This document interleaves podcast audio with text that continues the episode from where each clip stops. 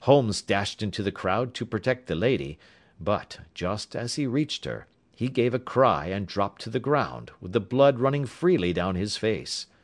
At his fall the Guardsmen took to their heels in one direction and the loungers in the other, while a number of better dressed people, who had watched the scuffle without taking part in it, crowded in to help the lady and to attend to the injured man. Irene Adler, as I will still call her, had hurried up the steps, but she stood at the top with her superb figure outlined against the lights of the hall, looking back into the street.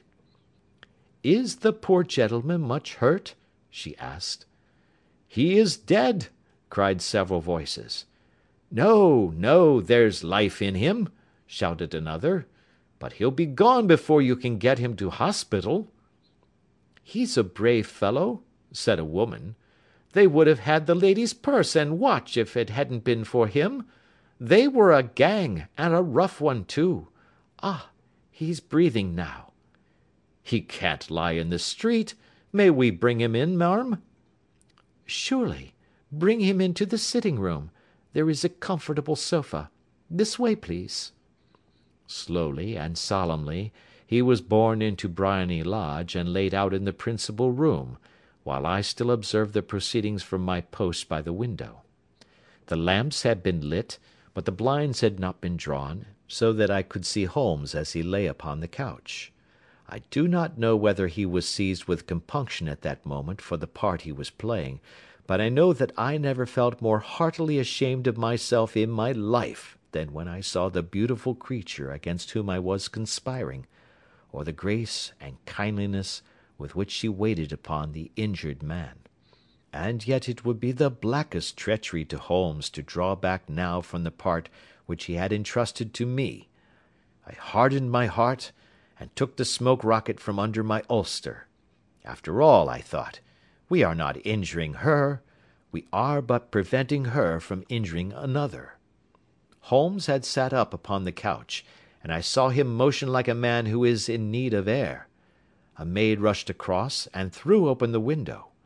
At the same instant I saw him raise his hand and at the signal I tossed my rocket into the room with a cry of "Fire!"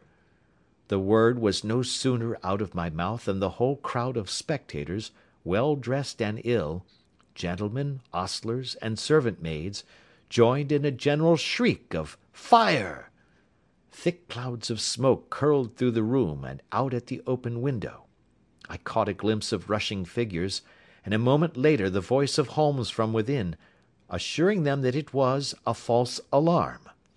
Slipping through the shouting crowd I made my way to the corner of the street, and in ten minutes was rejoiced to find my friend's arm in mine, and to get away from the scene of uproar. He walked swiftly and in silence for some minutes until we had turned down one of the quiet streets which lead towards the Edgware Road. "You did it very nicely, Doctor," he remarked. "Nothing could have been better. It is all right. "You have the photograph?" "I know where it is." "And how did you find out?" "She showed me, as I told you she would." "I am still in the dark." "I do not wish to make a mystery," said he, laughing. "The matter was perfectly simple. You, of course, saw that every one in the street was an accomplice. They were all engaged for the evening." "I guessed as much. Then, when the row broke out, I had a little moist red paint in the palm of my hand. I rushed forward, fell down, clapped my hand to my face, and became a piteous spectacle. It is an old trick. That, also, I could fathom. Then they carried me in. She was bound to have me in, what else could she do? and into her sitting room, which was the very room which I suspected. It lay between that and her bedroom, and I was determined to see which. They laid me on a couch, I motioned for air, they were compelled to open the window, and you had your chance." "How did that help you?" "It was all important. When a woman thinks that her house is on fire, her instinct is at once to rush to the thing which she values most. It is a perfectly overpowering impulse, and I have more than once taken advantage of it. In the case of the Darlington substitution scandal it was of use to me, and also in the Arnsworth Castle business. A married woman grabs at her baby, an unmarried one reaches for her jewel box. Now it was clear to me that our lady of to day had nothing in the house more precious to her than what we are in quest of. She would rush to secure it. The alarm of fire was admirably done. The smoke and shouting were enough to shake nerves of steel. She responded beautifully.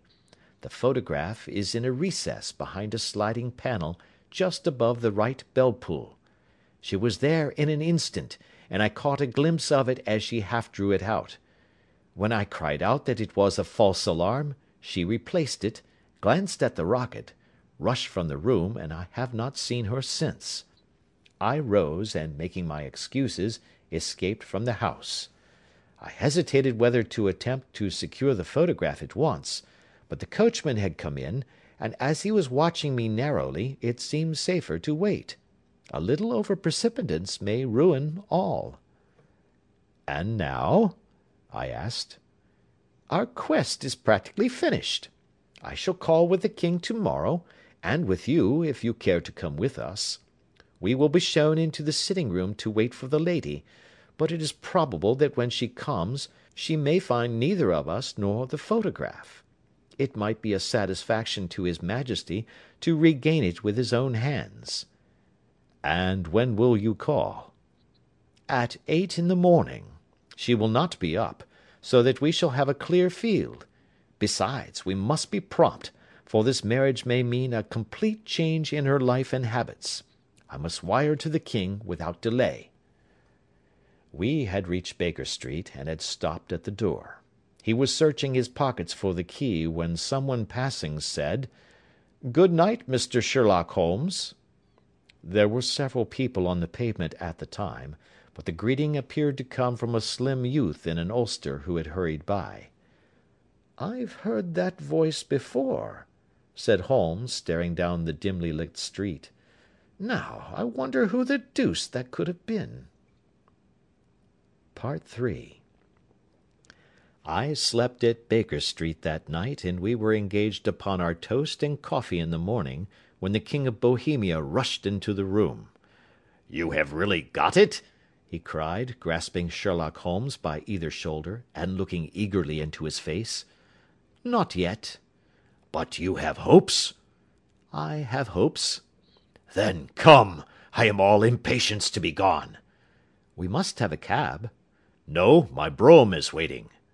"Then that will simplify matters we descended, and started off once more for Briony Lodge.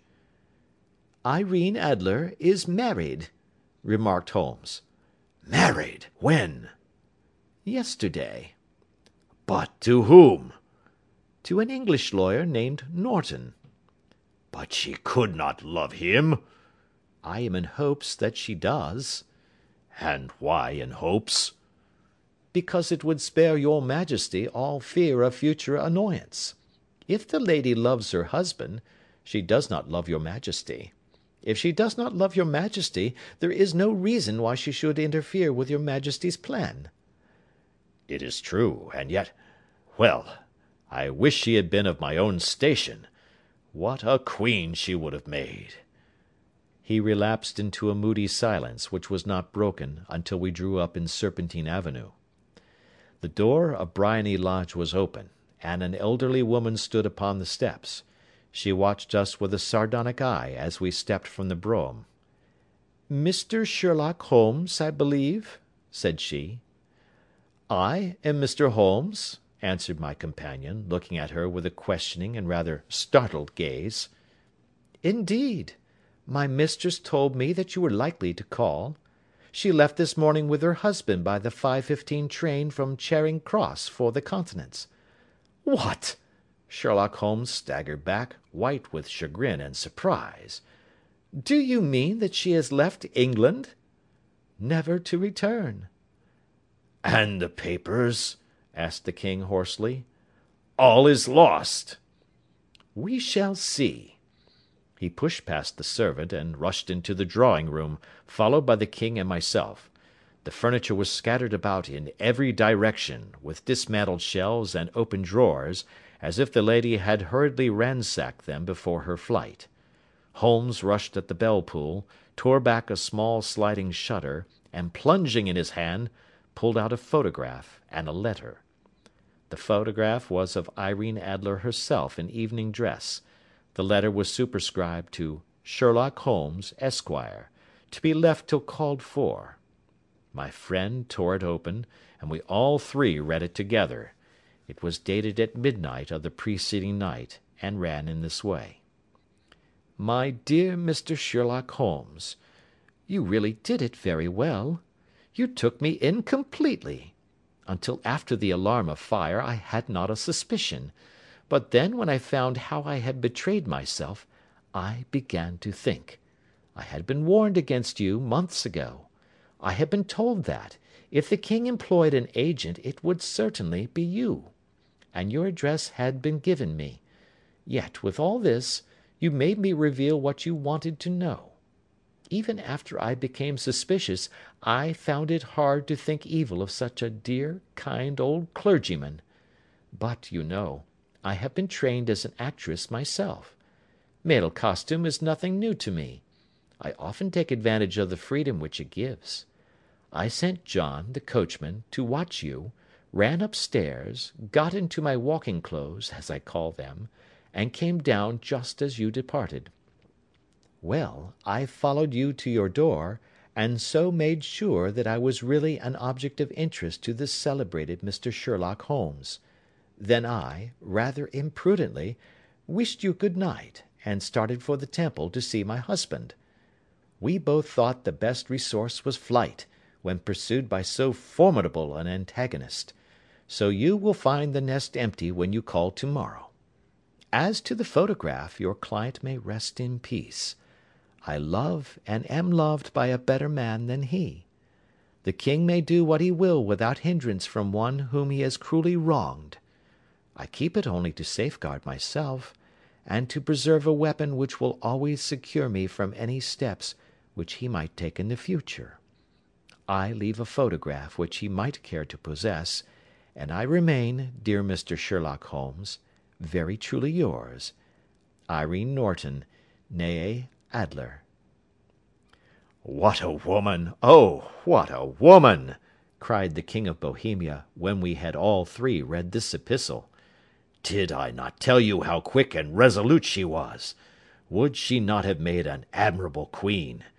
Is it not a pity that she was not on my level?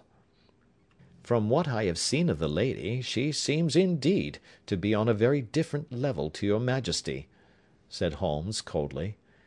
"I am sorry that I have not been able to bring your Majesty's business to a more successful conclusion." "On the contrary, my dear sir," cried the king, "nothing could be more successful. I know that her word is inviolate. The photograph is now as safe as if it were in the fire. "I am glad to hear your Majesty say so." "I am immensely indebted to you. Pray tell me in what way I can reward you. This ring He slipped an emerald snake ring from his finger, and held it out upon the palm of his hand. "Your Majesty has something which I should value even more highly," said Holmes. "You have but to name it." "This photograph." The king stared in amazement. "Irene's photograph!" he cried. "Certainly, if you wish it." "I thank your Majesty. Then there is no more to be done in the matter. I have the honour to wish you a very good morning." He bowed, and turning away without observing the hand which the king had stretched out to him, he set off in my company for his chambers. And that was how a great scandal threatened to affect the kingdom of Bohemia and how the best plans of Mr. Sherlock Holmes were beaten by a woman's wit. He used to make merry over the cleverness of woman, but I have not heard him do it of late; and when he speaks of Irene Adler, or when he refers to her photograph, it is always under the honourable title of the woman.